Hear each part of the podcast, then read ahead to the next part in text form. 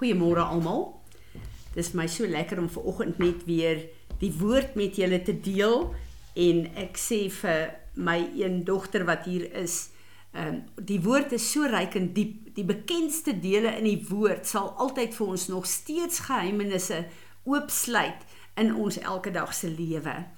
Uh, ek het gister met iemand gekommunikeer oor Psalm 23 en ons het die afgelope tyd baie daaroor gepraat maar daar's 'n nuwe plek van verstaan wat die Here net vir my oopgemaak het na aanleiding van van wat hierdie persoon gesê het ook vir my. Ehm um, ons almal weet dat in hierdie tyd lewe ons uh, in 'n 'n seisoen waar daar baie uitdagings en probleme is, baie aanvalle van die vyand is. En ek uh, sit ver oggend vroeg sommer net en bid oor 'n uh, 'n boer en sy vrou wat 'n uh, gister soveel wonderwerke beleef het, maar in die proses het die vyand probeer inkom om hulle skade aan te doen ook. Maar hoe ek net sit en ervaar dat die Here sê hy is in beheer. Maak nie saak wat gebeur nie en die vyand het nie 'n vryhand in ons lewe nie.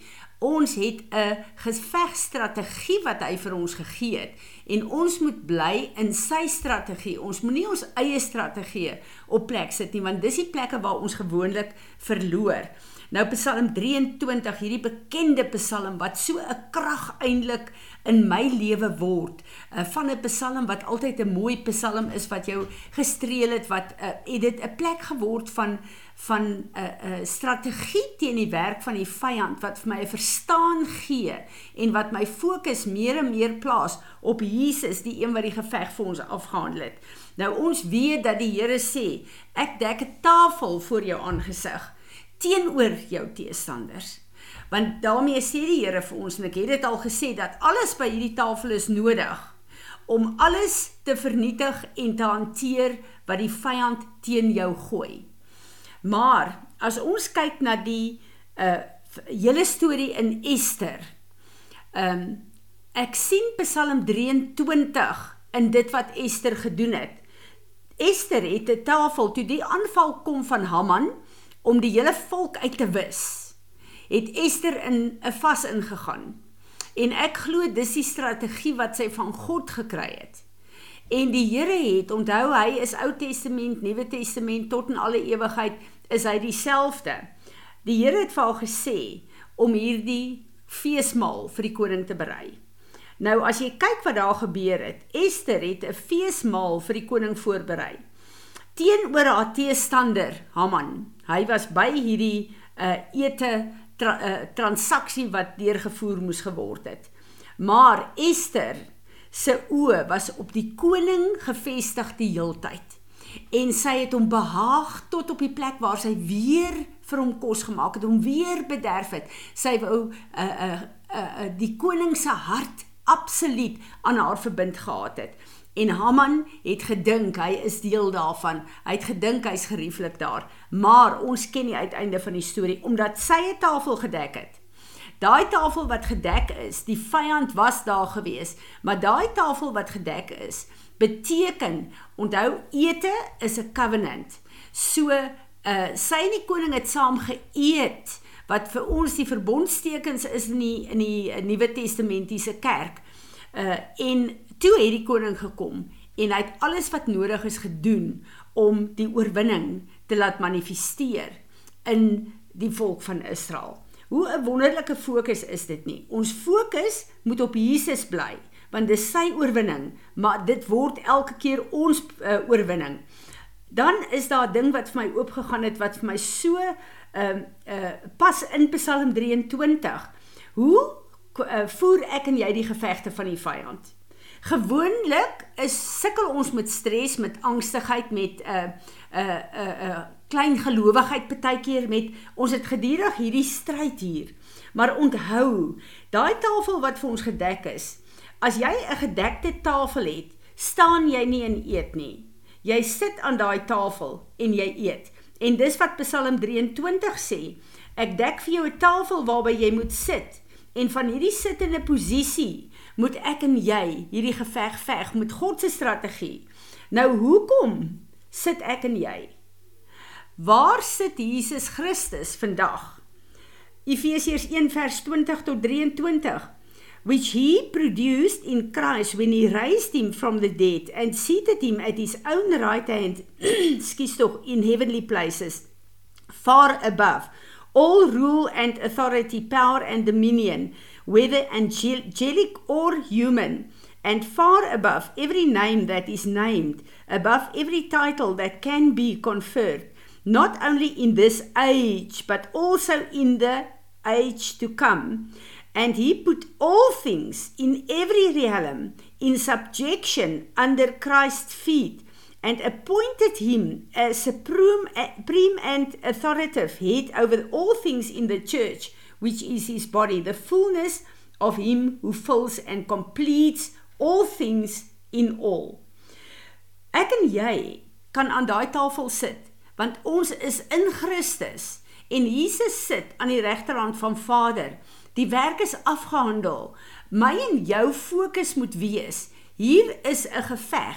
Ek wil die strategie van God hê, maar ek kyk hoe die vyand verslaan word deur God se strategie, want die oorwinning vir alles is behaal op Golgotha en ek dis afgehandel in my lewe. Ek kan sit my posisie vanuit die rus van Jesus kan ek sy woord as die swaard gebruik, kan ek die strategie wat hy vir my gee gebruik en dan weet ek hierdie oorwinning uh, gaan verseker manifesteer. Want hy sê vir ons in Romeine 16 vers 19 tot 20, een van my geliefkoeste skrifte. For the report of your obedience has reached everyone so that I rejoice over you. But I want you to be wise in what is good and innocent in what is evil. God, the God of peace, will soon crush Satan under your feet. The wonderful grace of our Lord Jesus be with you. As ons kyk na hierdie gedeelte, dan sê die uh, dan sê Paulus uh in hier in Romeine waar hy dit skryf, um uh uh be I want you to be wise in what is good, but also in what is evil. En as ons nie die Here het om vir ons die gevegstrategie te gee nie, dan gaan ons gewoonlik in ons eie planne en goed wat ons maak. En dit is wanneer daar uh, ons gevegte verloor, wanneer ons verliese ly, wanneer ons wanneer ons weggaan van God se strategie van hoe om die vyand te oorwin in ons lewe. Hy's klaar oorwin, maar ek en jy moet hom onder ons voete plaas. Dis die posisie wat die vyand in ons lewe moet hê. Die vyand moet onder ons voete wees. En dit is my baie baie interessant as 'n mens dink aan jou liggaam. As jy nie voete het nie, kan jy nie loop nie. Dan is jy afhanklik van ander mense. Maar is ook vir my interessant om te dink aan voete. Jesus het die disippels se voete gewas want hulle moes grondgebied inneem. En hulle moes 'n lewe van oorwinning lei. So wanneer die vyand onder jou voete is, dan is jy vry om te loop en te doen wat jy moet doen en wat God jou geroep het om te doen. Hy kan nie jou stop of jou verhinder nie. So hierdie prentjie het vir my so vasgeword dat ek sit aan hierdie tafel, maar ek sien myself ook aan die regterhand van God in Christus en die vyand in sy magte is onder my voete as gevolg van die oorwinning wat Jesus vir my behaal het. En ons moet weet dat wat ons gelees het hier in Efesiërs, uh Jesus sit en hy sê uh on the uh, uh on his own right hand in heavenly places far above all rule and authority and power and dominion. Uh hy het ons geplaas ver buite die bereik van die vyand. En die vyand moet onder ons voete bly. Maar ek en jy moet die gevegte afhandel wat hy na ons toe gooi uh in die naam van Jesus maar met die strategie wat God vir ons gegee het. En uh ek dink aan aan sommer net aan dit wat ek gebid het um vir hierdie situasie gister het die Here vir my Romeine 8 vers 28 so duidelik gegee. Alles sal ten goeie meewerk omdat ons hom liefhet. En baie keer lyk goed vir ons. Hierdie is nou regtig waar is soos die Engelse sê disaster. Maar as die tyd verloop en die goed begin te draai en ons kyk terug, sien ons gewoonlik die hand van die Here.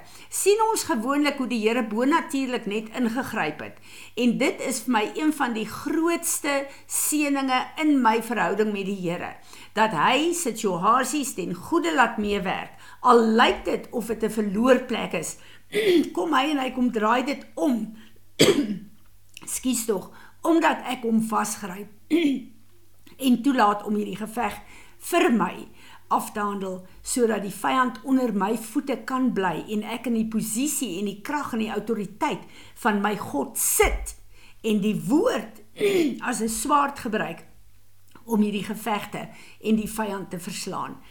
Uh, mag die Here ons help dat ons ons 'n dieper verstaan kry van geestelike oorlogvoering en laat ons God se wapens en strategieë gebruik vanuit 'n plek van rus, nie rondhardloop en vure doodslaan nie, want dis wat ek en jy gewoonlik doen, maar in sy rus ingaan en sê Vader, wat op hierdie tafel moet ek vir hierdie geveg gebruik? Onthou Dawid, die woord staan, elke geveg het hy gekom en hy het gevra Vader, wat is die strategie? En ek dink hierdie is 'n sleutel vir my en jou. Ons moet God se strategie kry. Dan sal elke oorwinning vir ons ja en amen wees. Ons moet ophou om ons eie strategie op die tafel te plaas, want dan is dit die plekke waar uh, ons skade ly. Amen. Vader, wanneer ons kyk na die diepte en die waarheid van hierdie woord in Psalm 23 is ons opgewonde. Maar Vader, ek bid dat U ons sal help om te verander, dat ons sal verstaan ons plek is in U rus en ons is in U rus elke oorlog wat ons moet voer. Ons kan nie self rondhardloop nie. Vader, beskerm ons asseblief teen die werk van die vyand. Geef vir ons die onderskeiding wanneer dit uh, daar probleme is of dit die vyand is en of dit gevolge is van ons eie verkeerde optrede. Uh, ek wil vra Vader dat U ons sal beskerm vir altyd onsself en ons eie planne wat ons maak, Here, en laat ons vanuit U hierdie strome van lewende water en hierdie lig wat moet uitgaan in hierdie fees wat ons nou vier, dat dit 'n realiteit sal word in elke plek in ons lewe. En ek bid Here dat ons al meer en meer gelykvormig sal word aan Jesus Christus ons Here en Meester. Amen.